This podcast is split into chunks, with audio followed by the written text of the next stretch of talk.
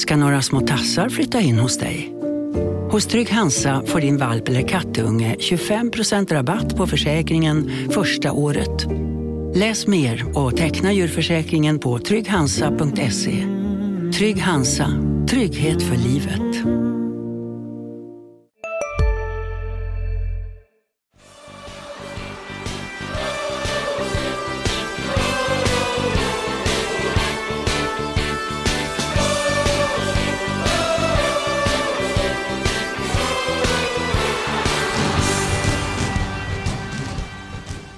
Vi hälsar er hjärtligt välkomna till ett nytt poddavsnitt. Jag säger poddavsnitt för det här är ett så kallat specialavsnitt. Det har varit ett derby, det har gått några dagar sedan dess. Men vi kommer alltså att prata om både HIF och Boys i det här avsnittet. Så det kommer att finnas både på HIF-podden och Landskrona Boys-podden. Men vi ska försöka hålla isär det här och börja prata om HIF den första halvan och sen ta den andra halvan följaktligen om Boys. HIF är ju serieledare och Boys ligger just nu fyra. Erik Persson, Sebastian Rönnström och jag Mattias Hjelm från SOG faktiskt. Eh, I och Schweiz. leder det här. I Schweiz, ja. Känns lite udda. Jag har precis varit ute och uh, gått och kollat in SOG lite grann och varit och gå upp på, på gräddhyllan får man nog säga, vilka kåkar. Men nog om det. Sebastian Rönnström och Erik Persson, minns ni derbyt? I Helsingborg. Ni är Helsingborg, och vi minns derbyt i alla fall, att Adam Kajed blev matchvinnare, derbykung och att HIF då har gått segrande ur båda derbyn och tagit maximal pott. Men vi går in och backar bandet och går in lite mer på det andra derbyt. Då. Vad minns ni? Att eh, Boys hade en väldigt bra period precis innan eh, HIFs mål. Eh, lite liknande scenario som den 9 augusti där där Boys också hade en väldigt bra period i andra halvlek och sen så gjorde HF det avgörande målet. Så att, eh, det kom lite från ingenstans eh, och sen älskar ju det här HF-laget eh, ledningar, gärna 1-0-ledningar. Eh, de är väldigt, väldigt bra defensivt. Så att, eh, Boys lyckades inte luckra upp dem. De hade inte tillräckligt mycket verktyg eh, i sin verktygslåda för att få hål på HIFs superdefensiv. Sebastian? Jag eh, delar Eriks uppfattning i stort. Eh, där var ju en liten skillnad i de här två eh, derbyna som har spelats på kort tid. Att i det första derbyt så var det ju HIF som gick ut och ja, men lite satte gasen i botten första halvtimmen och var det klart bättre laget. Nu tycker jag istället att det var Boys som inledde bäst men att HIF sen kom in mer och mer i matchen. Det här målet kom ju Eh, Adam Keds mål där i den 25 minuten följde ju på att Boys hade haft ett stort övertag i, i sett i chanserna i början. Det var väl egentligen bara Adam Kajed som hade haft en nick eh, på inlägg från Willem Löper. Eh, det var väl det som HF hade skapat fram till målet. Sen strax därefter så får de ännu ett läge när Rasmus Karjalainen skjuter från nära håll som Amor Kadura räddar. Så på så sätt skilde ju sig de här eh, derbymatcherna eh, inledningsvis åt eh, en del, men som Erik också är inne på så var ju, är ju HF väldigt starka när de får in ett ledningsmål och kan spela på, på det resultatet. Boys lyckades ju inte skapa särskilt många vassa målchanser, framförallt då i andra halvlek. Och, eh, HF, det kändes som att HF hade bra kontroll på det defensivt. Jag skulle faktiskt vilja dra det så här långt. Jag är, ju, jag är ju en man som gillar ytterligheter och spetsa till saker och ting. Men jag tänkte på det under derbyt. Jag skulle säga så här, jag kommer få skit från båda läger, men okej. Okay. jag skulle säga att den, den enda skillnaden, riktigt så enkelt är det inte, men den enda skillnaden är målvakterna. Hade Boys haft Anders Lindegård i mål och HIF Amr Kadura så hade resultaten varit annorlunda. Hårt kanske att säga så, det är inte meningen att jag ska såga eller kritisera någon, jag bara försöker pinpointa vad jag tyckte har varit den stora skillnaden i de, i de här två derbymatcherna. Motfråga, Kalle Olsson spelar en halvlek. Mm, men han fick inte så mycket att göra. Däremot hade Anders Lindegård ett antal vassa räddningar. Och släpper man in sådana mål som Amerikador har gjort, då spelar det ingen roll hur bra man än är i övriga minuter i matchen. De blir uppenbarligen helt avgörande. Då tycker jag väl både och om det, för samtidigt så tycker jag att Boys offensiv, ja i första halvlek skapar man ganska mycket, men i andra när den här forceringen och jakten på en kvittering förväntas komma så tycker jag att Boys var lite väl tomt. Det, det, det hände inte tillräckligt mycket och de, som Erik nämnde där, de hade inte verktygen för att, för att luckra upp HIFs eh, väldigt sta, eh, stabila och säkra försvar. Så det hade nog behövts mer i anfallsväg från Borgs sida för att verkligen kunna, kunna få till en, en kvittering och då, då faller ju det ansvaret även på, på de offensiva spelarna också. Ja, det, det, finns, jag förstår att du raljerar lite här Hjelm och att du, du inser att det finns eh, fler skillnader här mellan lagen. Vi, jo, jo, det är såklart. Så men, men eh, det är också eh, alltså Boys skadeläge gjorde ju att de inte hade de där jokrarna. De hade inte sina S i, i rockarmen. Eh, Viktor Ekblom avlöste Robin Hoffsö exempelvis och, och, det är ju någonstans eh, ja, men två slitstarka forwards men det är inte Anthony van den Hoek-klass om man säger så. Så man kan ju gå och jämföra eh, ehm, på många, på många ställen och på många positioner. Sen är det klart att eh, Anders Lindegård är, är, ska vara seriens bästa målvakt. Eh, Amokador har gjort en bra säsong med tanke på var han kom ifrån, var borta hela förra året på grund av en korsbandsskada. Men nu börjar det snackas om honom för han, han har gjort två tavlor i säsongens två största matcher. Eh, hade han eh, gjort de här tavlorna mot Vasalund borta hade det inte snackats lika mycket. Jag tycker han har gjort en bra säsong, men han har kostat Boys poäng i de här matcherna och olyckligt nog för honom har det varit i de mäktigaste matcherna. Jag vet inte om ni har missförstått mig. Jag säger ingenting emot det att han inte har varit bra och han var bra i övrigt också i matchen mot HIF. Men det just det att man har inte råd att släppa in sådana bollar. Jag vet att du sa det Erik i förra veckans podd att nu kommer det stora testet. Vi kommer väl in på Amerikadora under boys-delen sen. Eh, vi får se hur Kadura klarar det. Eh, och det gick ju, ja, det gick ju som det gick. Ehm, så, så, det är klart att han har gjort en väldigt bra säsong. Det är inget snack om det och att det är en bra målvakt. Men eh, just i de här matcherna så står jag fast vid att den stora skillnaden ändå var Anders Lindegård. Och det, är, det har ju varit snack om Amokador att han, han håller inte den där höga nivån och han, det är lite för mycket sprattelgubbe och han kan göra sina tv-räddningar och så blir det någon miss här och var jag, jag har ju tyckt här nu, sett i säsongen 2019 och till stora delar av den här säsongen, att han har tvättat bort många av sina skönhetsfläckar och det har blivit en annan stabilitet kring honom. Och så kommer det här eh, som någon form av brev på posten. Det är nog många som satt eh, hemma i sina tv-soffor och hacklade sig och sa liksom, vad, vad var det vi sa? Eh, vi visste att detta skulle komma. Så att, eh, ehm, ja, det finns ett litet mönster även om jag då tycker att han har tagit steg som målvakt de senaste åren och ändå tvättat bort en hel del. Men tillbaka till, bo äh, till Boys, tillbaka till HIF och allt det de gjorde bra sen. För eh, precis som du var inne på Sebbe så hade ju inte Boys mycket och det finns ju en, en annan sida av det myntet, alltså inte mycket efter första halvlek. Och det är ju att HIF var bättre. HIF gör mycket bra. HIF har en superdefensiv. HIF har fått fram ett mittbackspar som funkar ihop efter Andreas Granqvists eh, utträde från, den, från planen som aktiv spelare. Alltså, plocka fram det HIF gör bra och som har tagit dem till serieledning nu. Ja, men framförallt eh, så tycker jag väl att, som vi har varit inne på här, defensiven sitter ju ihop. Den är ju ramstark. Det, det ska ju oerhört mycket till för att kunna eh, kunna alltså, stå upp eller liksom när man eh, hamnar i underläge mot HIF så blir det ju väldigt svårt för motståndarna att kunna göra något för HIF är så pass trygga i sina defensiva positioner.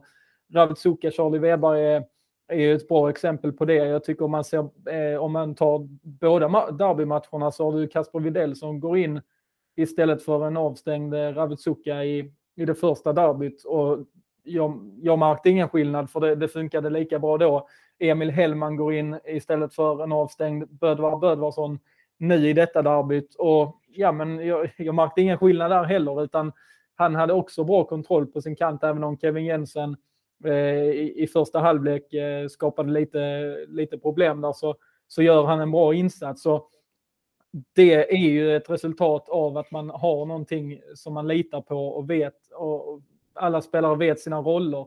Offensivt tycker jag att HF eh, här lyckades Boys återigen på ett ganska bra sätt plocka bort Anthony van den Hurk ur, eh, ur anfallsekvationen. Han kom ganska långt ner eh, eh, i spelutbyggnaden och var inte riktigt där framme i straffområdet när, när bollarna från eh, löper kom in. Men HF lyckas eh, gång på gång eh, ändå ta sig fram på högerkanten och det blir ju ofta farligt. Det, det vore ganska orimligt om det inte blir det eftersom de hela tiden trycker på på den kanten. Men, men det vapnet finns där och det kan räcka väldigt långt i superettan. Det har vi sett hittills också.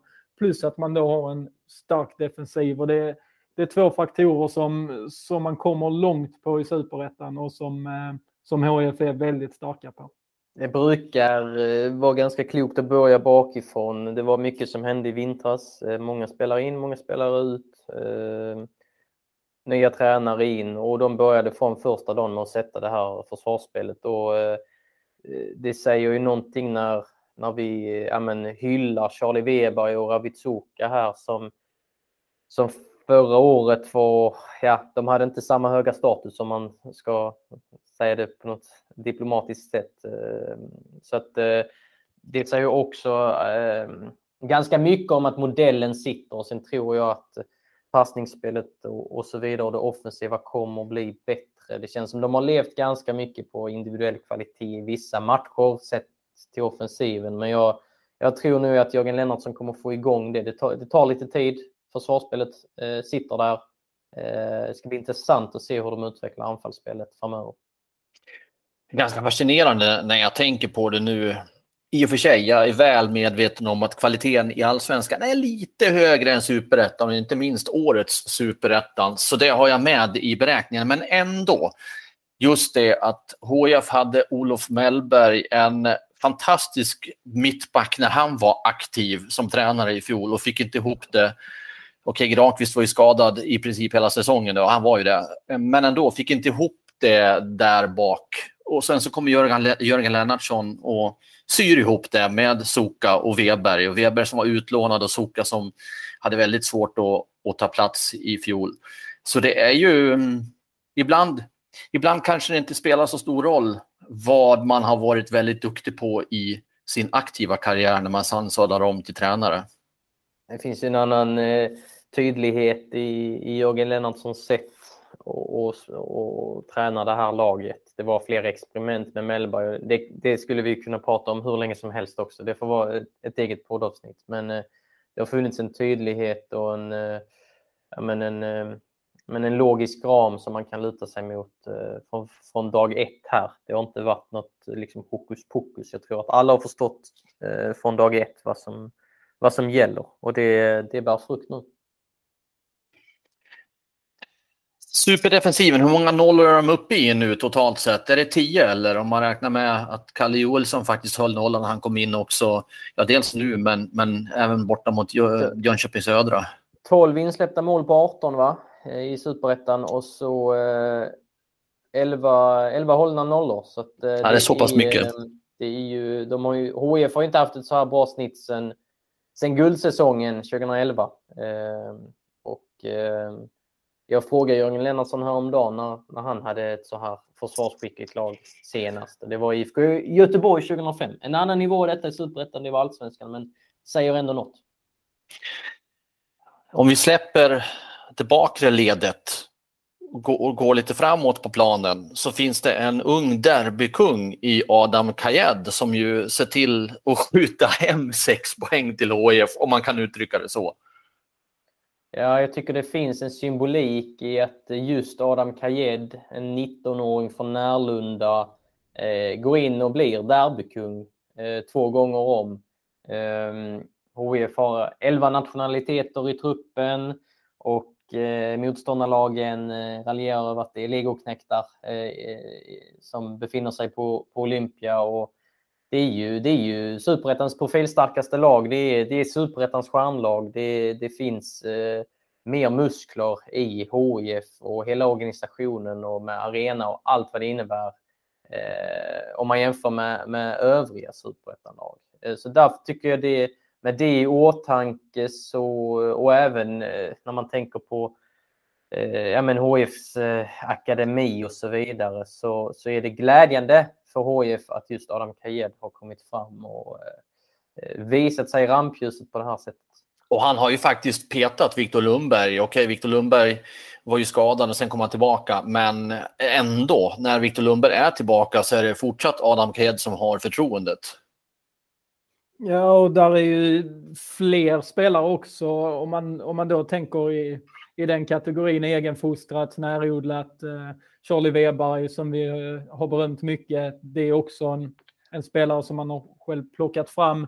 Kalle Joelsson, eh, förvisso reservmålvakt bakom en eh, dansk gammal storstjärna eller vad man ska kalla Anders Lindegård. Men han går ju in och, och, gör också en väldigt bra insats i det här derbyt. Andreas Landgren, Rasmus Jönsson är ju trotjänare som, som också eh, fyller stora roller. Eh, Emil Hellman eh, till exempel, Kasper Videll som, som också har klivit in i varsitt derby och, och gjort det bra. Så att, men jag, jag håller med om det här att Adam Kajed är den som kliver fram. Det är inte Anthony van den Hurk. Det är inte eh, Wilhelm Löper, även om han slår assisterna. Men eh, det är inte Viktor Lundberg, det är inte Rasmus Karjalainen, utan att det är en spelare från de egna leden som, som kliver fram och att, att det ändå betyder någonting för eh, HIF som klubb. Det, det är jag ganska övertygad om. Jag vill ändå rätta dig lite grann här. Jo, Wilhelm löper i allra högsta grad involverad ja. utan hans inlägg och, och sen då Kaduras felstyrning när han ska styra bort bollen. Det var missriktat inlägg denna gången faktiskt. ja, men det var ändå han som låg bakom det. Ja, det har du, det har du helt rätt i. Jag vill bara lägga det till det berömda protokollet. Ja, det är bra igen. Ja. um, Ja, vad skulle jag säga nu då? Nu tappade jag bort mig själv i, i det här med Adam Kajed-snacket. Men... Eh, du kanske mm. tänker på vad HIF gör nu? Du kanske sitter i tjog och undrar vad HIF gör nu när det är så långt till nästa match? Ja, men jag tänkte att det var någonting annat jag skulle säga innan vi glider över på den punkten eller den bollen. Eh, men vi tar väl den så får vi se om jag kommer på det så får vi backa till, till det jag skulle säga nu egentligen. Men, nej, men ja, absolut, jag undrar för nu har de ju inte match förrän den 11 september mot Eskilstuna. Precis, och då, börjar det, då blir det lite tajt igen för så har de Trelleborg hemma den 14. Eh, HIF är ju eh, vana vid det sedan tidigare att spela, spela många matcher på kort tid med tanke på att det blev väldigt rörigt när eh, Andreas Granqvist blev uttagen till EM och det var andra spelare på landslagsuppdrag och så. Eh, och nu så är ju Ravitsuka med Kongo ska VM-kvala bland annat mot Senegal, eh, mot Mané eh, exempelvis. Eh, Randor Henriksson är med Färöarna, Håkan Erikssons eh, Färöarna precis som vanligt. Vladislav Krida är, är petad i HF men inte petad från Estlands landslag och sen är Kasper Videll med svenska P18-landslaget. Så det är några, några spelare som saknas här nu. Och eh, den här veckan, alltså veckan efter derbyt, så har de eh, kört eh, fem pass på, på tre dagar. Ehm, och så är de lediga här över helgen och sen blir nästa vecka lite mer normaliserad och mer mot, som går in mot matchen i, i Eskilstuna på lördag. Nu kommer jag för övrigt på vad det var jag skulle säga, men jag kan nog ta det nu och så kan Sebbe får svara på det med tanke på att det är uppehåll nu då för HIF. Det var ju faktiskt så att HIF hade serieledning och sen så kom ju en, en ja, man får ju ta en, en snabb men djup svacka när man förlorade i kuppen och man undrade, allt pekade ju uppåt egentligen. Ja, de kanske inte var i serieledning då förresten, men allt pekade i alla fall uppåt. De var väl i serieledning ett dygn eller något efter ja. matchen. Ja, eh, och sen så kom det här, de här ja, mindre roliga historierna då. Är man tillbaka där man var innan den djupa minisvackan? Eh, vad säger du där Sebastian? Är man det? Har man lämnat det där? Ja, man har lämnat det bakom sig, men är man stabilare tror du framöver och kan man hålla i det över uppehållet då? Alltså det, det, det blir intressant att se för vi, det var ju den känslan vi hade inför liksom när HIF gick in mot Eskil, gick in eh, mot Vasalund som var nästa superettan-match där. Eh, då, då hade man ju känslan av att nu, nu är HF eh, igång. Nu, nu trummar de eh, på för fullt här och, och det går spikrakt uppåt. Sen kom det här bakslaget, men Ja, men mitt sammanfattande intryck av den senaste tiden, om man ser över en och en halv månad kanske, två månader, så, så är ju HIF, ja men då, de har, eh, har ju växlat upp om man jämför med hur det såg ut fram till EM-uppehållet. Efter EM-uppehållet så har ju HIF radat upp många segrar och man är väl obesegrade i, jag vet inte om det är de fyra sen, fem senaste matcherna är det väl som man är obesegrad i superettan. Och, och det är klart att många sådana eh, när, när matcher... Har du också valt att bli egen? Då är det viktigt att skaffa en bra företagsförsäkring. Hos oss är alla småföretag stora och inga frågor för små. Swedeas företagsförsäkring är anpassad för mindre företag och täcker även sånt som din hemförsäkring inte täcker. Gå in på swedea.se företag och jämför själv. Upptäck det vackra ljudet av McCrispy Company för endast 89 kronor. En riktigt krispig upplevelse. För ett ännu godare McDonalds. Läggs på varandra och resultaten går med. Eh, 0-0 mot Vasalund kan, kan ses som en en missräkning givetvis, men eh, utöver det så över tid så har ju HIF blivit bättre och eh, defensiven sitter där och som Erik var inne på innan så ska det bli intressant att se om man nu lyckas utveckla även offensiven när, eh, när så pass många bitar ändå börjar falla på plats. Och det, om det nu var en svacka, ja, kuppetåget eh, påverkar ju inte superettan-tabellen, men det, i sådana fall var det en väldigt, väldigt kortvarig svacka och, och, och man tog ändå en poäng mot Vasalund och jag tycker det säger någonting om, om HF. Jag har väldigt svårt att se att de förlorar tre, fyra matcher i rad. Utan, de kan till och med ha någon råd med någon liten svacka till under hösten. Eh, och, och, att de andra konkurrenterna där uppe kanske, kanske, kanske inte är tillräckligt bra. Och att HF ändå tar någon pinne här och där eh, för att de faller inte ihop. Så det är också en styrka. Det är den känslan har jag kring, kring, det, kring det här laget. För det är så genomstabilt på något sätt. Tror ni att Jörgen Lennartsson kan se någon personlig eh, revansch i det här att ta upp HIF till till allsvenskan igen med tanke på att han haft tufft i de senaste tränaruppdragen han har haft. Ja, det är klart att det, det, han vill ta upp HIF i allsvenskan. Det är ju inga konstigheter där. Men kan det finnas en extra morot för honom att lyckas med det också? Tror inte han tänker så alls faktiskt. Om, om jag känner honom rätt så tror jag inte han har det i sitt huvud faktiskt. Nej, jag vill bara slänga in den som en liten passus, som en liten parentes. Det kan vi få vi får tänka på den. ja, eh, vi kanske ska prata lite grann om eh, Boys här. Gå över till eh, Boys som ju befinner sig i en som definitivt befinner sig i en formsvacka. Hur ser det ut med antal poäng på de senaste matcherna, senaste fem? Fyra, tre eller? Fyra, fyra förluster på de fem senaste är det väl nu och det går då hand i hand med ett skadeläge som är, som är prekärt. Och det behöver vi inte älta jätteingående igen, liksom summan Manjets betydelse och så vidare. Och, och vi såg ju konsekvenser av det här nu mot, eh, mot HIF där man ställde upp med ett eh, skickligt lag ändå, men man ställde upp med en annan formation. Man ställde upp med Hampus Färm som inte startat en enda match sedan i maj eh, och, och, knappt spelat något. Tre veckor tidigare stod han i, i bortaklacken på Olympia. Eh, Johan Rapp har varit 19 man ett gäng gånger i år eh, och han, han kom in här och gjorde det väldigt bra. Så att, eh, det var ju ett, eh, ett eh, ja, de, de, får ju liksom eh, bredden i truppen för att bekänna färg. Jag tycker någonstans att det, det är starkt att ja, men Johan Rapp och Hampus Farm kan gå in och ändå göra... Johan Rapp gjorde det riktigt bra, Hampus Farm var godkänd. Men eh, över tid är det klart att det finns en risk att de går lite på, lite på knäna. För som sagt, alla de där riktigt vassa verktygen finns inte där just nu.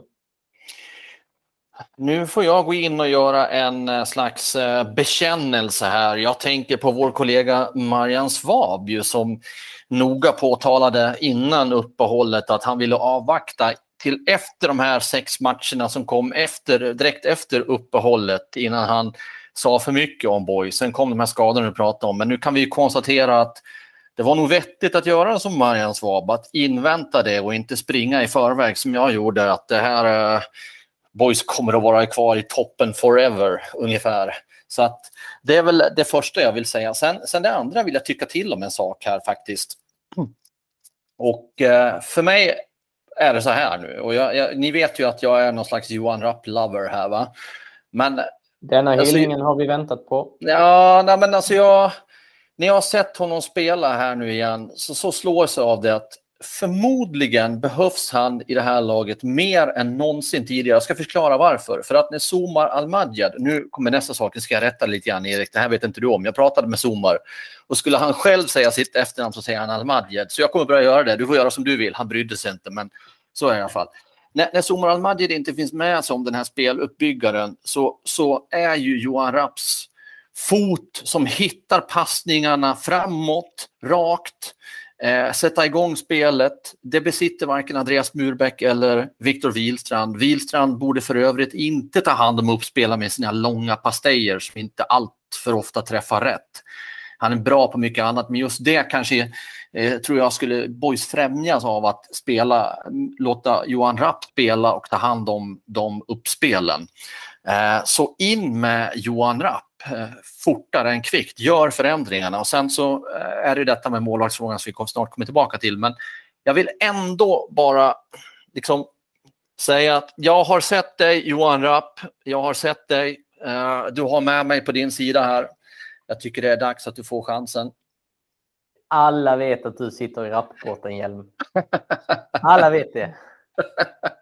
Det är en jätteintressant eh, spelare och jag, jag blir imponerad av honom i derbyt också. Då har jag ändå sett honom göra ännu bättre matcher. Eh, men det var kul att han fick visa upp sig i, i, i något av en stormatch eh, och det är ju extrem eh, konkurrens i, i mittlåset. Filip Andersson har inte spelat eh, en sekund sedan Västerås borta väl. Eh, det, det säger ju något. Sen eh, tycker jag ju Wihlstrand och Murbeck har gjort väldigt mycket nytta också i år. Så det, det, mm, jag tycker det ska bli intressant att se om Rapp kanske kan komma in på en högerbacksposition om man, eh, om man eh, går tillbaka till 4-3-3. Sen blir det ju, då, då, ska han ju ligga mycket bredare och där eh, ja, mister man ju hans eh, till, Nej, det är för I uppspelen kanske om man, om man fortsätter enligt exakt samma modell eh, enligt 4-3-3 där. Men eh, jag gillar ju också Raps fot. Jag hade också velat få in den någonstans. Ja, men alltså, du, nu måste du komma igen här, Erik. Nu måste du se sanningen i vitögat. Nu är det ändå fyra matcher, fyra förluster på de fem senaste matcherna. Det är dags att göra förändringar. Det är inte så att att eh, Wihlstrand... de har väl inte så mycket att laborera med, de har ju knappt någon Ja, och nu kan, man, nu kan man plocka bort någon av Murbeck och, eller um, Wihlstrand och få in, vänta, få in vänta, Rapp. Vänta nu. Sa du precis att man ska kunna ta bort, framförallt Murbeck fastnar vi här nu. Murbeck? för mig spelar det för mig spelar ingen, för mig spelar ingen roll vem av Murbeck och Wihlström man tar bort, men Rapp ska in. Sen får man göra vad man vill. Oh. Jag känner hur det bubblar inom mig här nu. ja. Ja, ja. Nej, alltså det, måste har... göras, det måste göras plats för, för Johan Rapp. Men jag tänker det, du, du pratar om förändringar Hjelm, men nu, nu blir det ju förändringar på många sätt i och med den, den nu i derbyt när man bytte formation och körde den här trebackslinjen. Där man fick ja, du, du gillar det då Hjelm, att det blir är det, rejäla ska, förändringar? Ska man välja den vägen kanske då och, och köra, det, det, kan ju absolut vara ett alternativ för, för boys och, köra det när man då har en eh, en forwardsituation där visserligen Oskar Pettersson kom in nu som eh, eh ja, kanske då... Central, kan, nej, men som, som om man tänker ett 4-3-3, om han då finns så har man kanske mer alternativ att, eh, att jobba med sin vanliga formation än vad man hade inför derbyt. Men, men det, absolut skulle det kunna vara ett alternativ att man i vissa matcher kanske om man känner ett, att man har tillräckligt stark, tillräckligt stark tilltro till, eh, till den eh, andra formationen, att man kanske kan laborera beroende på matchbild även. För det har ju Boys gjort väldigt framgångsrikt, där man eh, bytt eh, fram och tillbaka på vissa positioner mellan två olika spelare. Men kanske kan man hitta någonting i den här formationen eh, man testar i derbyt som, som kan slå väl ut i andra matcher. Eh, nu tycker jag inte det gjorde det i just derbyt. Jag tycker det fanns goda tendenser ändå med det här systemet. Eh, det blev ju inget genidrag eftersom de förlorade matchen så och, och tappade lite i andra halvlek kanske. Där, där HIF gjorde bra som vi varit inne på, men man anpassade ju sig till ja, men dels eh, vilket lag man skulle möta och vilka spelare man hade eh, till befogande och, och ehm, eller säger man förfogande? Ja, ni fattar vad jag menar. Eh, och att man, eh, Hampus Färm hamnar i en roll där han trivs istället för... Eh, eh ja, och så fick man in Raps eh, uppspelsfot eh, såklart. Så att det är intressant med spelsystemet ändå. Eh, mycket möjligt att man kanske laborerar mellan de här under hösten. För man följer ändå samma ramar, man följer ändå liksom samma modell. Så det var ju inte, det var inte bara så att slå en lång boll på, på forwards och, och eh, hoppas att det blir bra, utan det fanns ju fortfarande boys-tanken som vi har sett i två och ett halvt år. Ja, alltså jag köper det helt och hållet. Fortsätta med Murbeck, Wilstrand och, och Rapp där nere till höger om ja, de två. Då. Eh, och då är det ju värt att fortsätta med systemet. Dessutom tror jag att de kommer att kunna få ut mer av systemet när de inte möter just HIF. Däremot är jag också förvånad över att man inte under hela matchen lyckades, jag menar, de har ju pratat om det garanterat, att de ändå inte lyckades stänga ner eh, HIFs högerkant på ett bättre sätt än man gjorde. Alltså där någonstans kändes som att de, de brast i, i, i förberedelserna. Alltså, där borde man ha kunnat stängt mycket, mycket mer än vad man gjorde. Ja, på pappret så det ju eh, tänkte man väl att ja, men man kanske kan dubbla på löp om inte Catch och Wihlstrand, men man fick ju inte ut så mycket av vänsterkanten, varken eh, defensivt eller offensivt. Så där fanns det ju eh, absolut utvecklingsområde. Då fungerade högerkanten mycket bättre i båda riktningar, eh, tyckte jag. Eh, intressant också hur man gör där med just högerbacksplatsen. Nu är Jonathan Asp skadad. Jag vet inte om han missar Brage-matchen också. Dennis Olofsson är, är kall. Hampus Farm har varit väldigt kall. Eh, det är lite därför också jag nämner Johan Rapp. Eh, att han, att han bör kunna vara aktuell i en annan roll också om man kör en fyrbackslinje. För att, eh, där har man, man har många högerbackar men inte särskilt många heta högerbackar. Mm, alltså jag, jag gillade ju också när Hampus Färm kom in där lite högre upp än vad han gjort tidigare. för att någonstans, han är, han är duktig offensivt, den styrkan ligger inte defensivt, men om man då kan ha någon som hjälper till bakom sig så, så tycker jag det kan vara värt att fortsätta med Färm. Eh, ja, det höll på att, att, bli väldigt hett här kring eh, Murbeck. Det var ju inte min avsikt. Eh, jag vet att eh, han har gjort det väldigt bra också. Men eh, vad går vi vidare på det här nu då? De ska upp till Bålänge. Nej, vi tar inte det. Vi tar Amerikadora först. Svante Hildeman värvades ju in men har inte spelat i, i superettan här. Är det dags för ett målvaktsbyte kanske, sent om sidor? Jag tror inte det är det man behöver. Jag har ju ändå eh, åsikten att Amokador har gjort en en bra säsong även om han har kostat några, några poäng nu i derbymatcherna. Eh, gjorde han ju ett par eh, svettiga räddningar eh, i hemmaderbyt också, ska vi komma ihåg. Så att eh, nu har ju, jag ser inte alla boys-träningar, jag ser inte alla U21 matcher.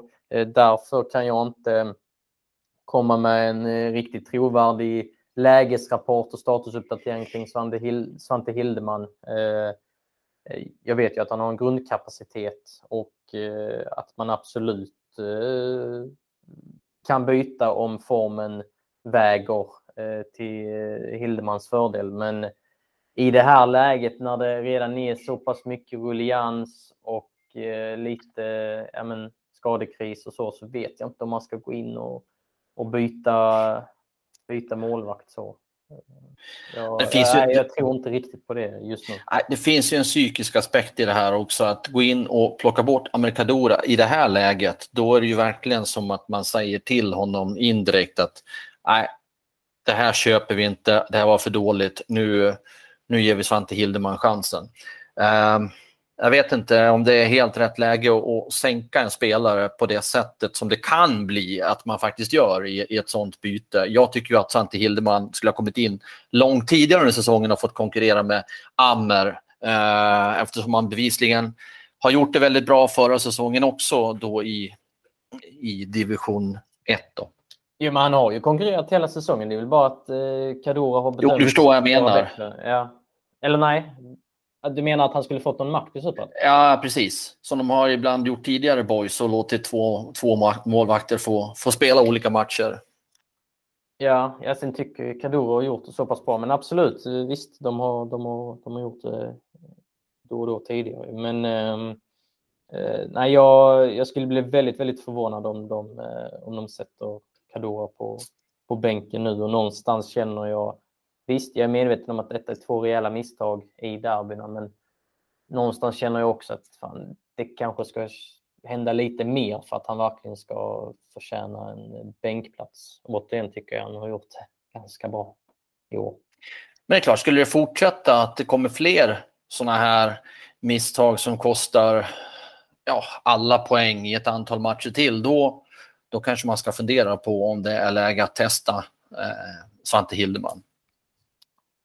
Men då är det snart slut på säsongen å andra sidan. Så ja, det kanske är en icke-fråga egentligen, Amerikadoras vara eller inte vara i startuppställningen. Mm. Ni sitter här och väntar på att få prata om uh, att, att Boys ska upp till Bålänge och spela mot Brage. Där har ja, Anna-Erik varit, i Borlänge. Ja, jag var där när HIF var där i maj. En, det är lite ditt favoritställe. Ja, det är ju inte, det är inte den bästa fotbollsdagen i mitt liv, eh, men vi får inte fastna vid det. Eh, det var en grå dag eh, på många sätt. Ehm, intressant att se hur, eller hur Boys gör här nu. Robin Hofsö avstängd. Viktor Ekblom som hade en jättechans att, gå in i startelvan här som central forward. Om han inte hade ådragit sig det där gula kortet mot HIF. Han är också avstängd. Och tränaren Billy Magnusson är också avstängd. Ehm, sen har ju Billy Magnusson hintat här i dagarna om att eh, en, åtminstone en spelare är på väg tillbaka från den där ganska långa skadelistan. Vi vet inte vem. Vi gissar väl på att det är eh, ja, Linus R. Olsson kanske, eller Niklas Nilsson. Jag, jag vet inte. Du beskrev ju för ett par veckor sedan att Niklas Nilsson skulle vara borta fyra till sex veckor. Linus R. Olsson har vi faktiskt eh, inte hört så mycket om de senaste eh, veckorna. Så det kanske är han som dyker upp som gubben i lådan, vad, vad vet jag. Jag tror inte det är Erik Persson i alla fall, för han, han lär ju vara borta ett, ett tag till. Så mm. att, eh, det finns inte så jättemånga centrala forwards eh, med i den där leken. Men eh, Billy Magnusson försäkrade i alla fall om att eh, vi, har, vi har alternativ. Så de löser väl detta också på, på något sätt. Det ska bli intressant att se hur. Ja, gör de det? Gör de det? De har ju inte löst så många matcher på slutet här så det kanske man inte Nej, kan säga att de... En, eh, jag menar senast att med formationsbytet och sånt att man ja. ändå ställer upp ett, ett ganska slagkraftigt lag. Men, men det blir ju bara spekulation eftersom vi inte sitter på någon, på någon info här med vem som, som kan gå in. Så det blir någon form av gissningslek. Mer än att det verkar som att någon är på väg tillbaka i alla fall. Oavsett vilka som spelar, var väldigt vad jag var på hugget här idag och, och leker någon slags besserwisser. Men eh, något som de definitivt behöver få ordning på det är beslutsfattandet. Jag kommer att tänka på det nu från, från derbyt, hur många dåliga beslut som faktiskt fattades i andra halvlek när man skulle försöka få till någonting. Och det, de gick på skott i helt felaktiga lägen. och passningar. Ja, Jakob som... Blixt hade inget jätteinhopp. Ja, han skulle dragit in eh, bollen i straffområdet. Eh, ja, han var inte ensam om att ta, ta ganska dåliga beslut där i andra halvlek. Så där hoppas jag att för deras skull att de har gått igenom och eh, bestämt sig för att tänk till innan ni gör den sista passningen eller sista skottet eller sista inlägget. Det tror jag måste få ordning på om det ska kunna bli någon eh, Victoria uppe i Borlänge.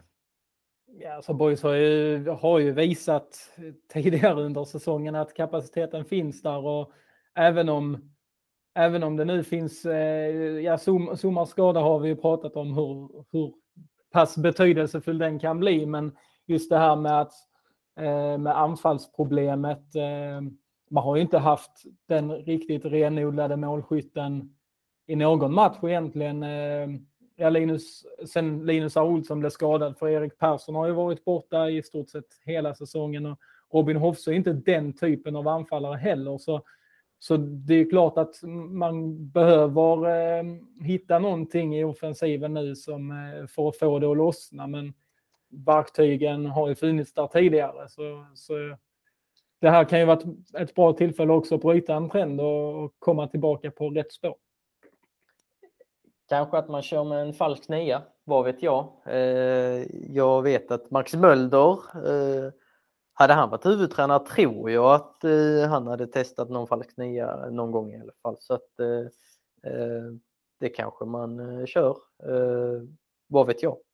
Nu gissar jag igen, för jag vet inte. Mm. Vi är igenom detta specialavsnitt om HIF och om Boys utifrån att det har varit ett derby. Nästa gång vi poddar så kommer vi hålla isär och bara prata HIF i HIF-podden och Landskrona Boys i Boys, Landskrona Boys-podden. Eh, så ni vet det. Hoppas ni har haft överseende med det, det här den här veckan och har någon slags förståelse för det. Eh, ah, något åt det hållet. Och så rundar vi av den här veckan på det sättet och tackar er för att ni har följt med hela vägen hit. Hej så länge!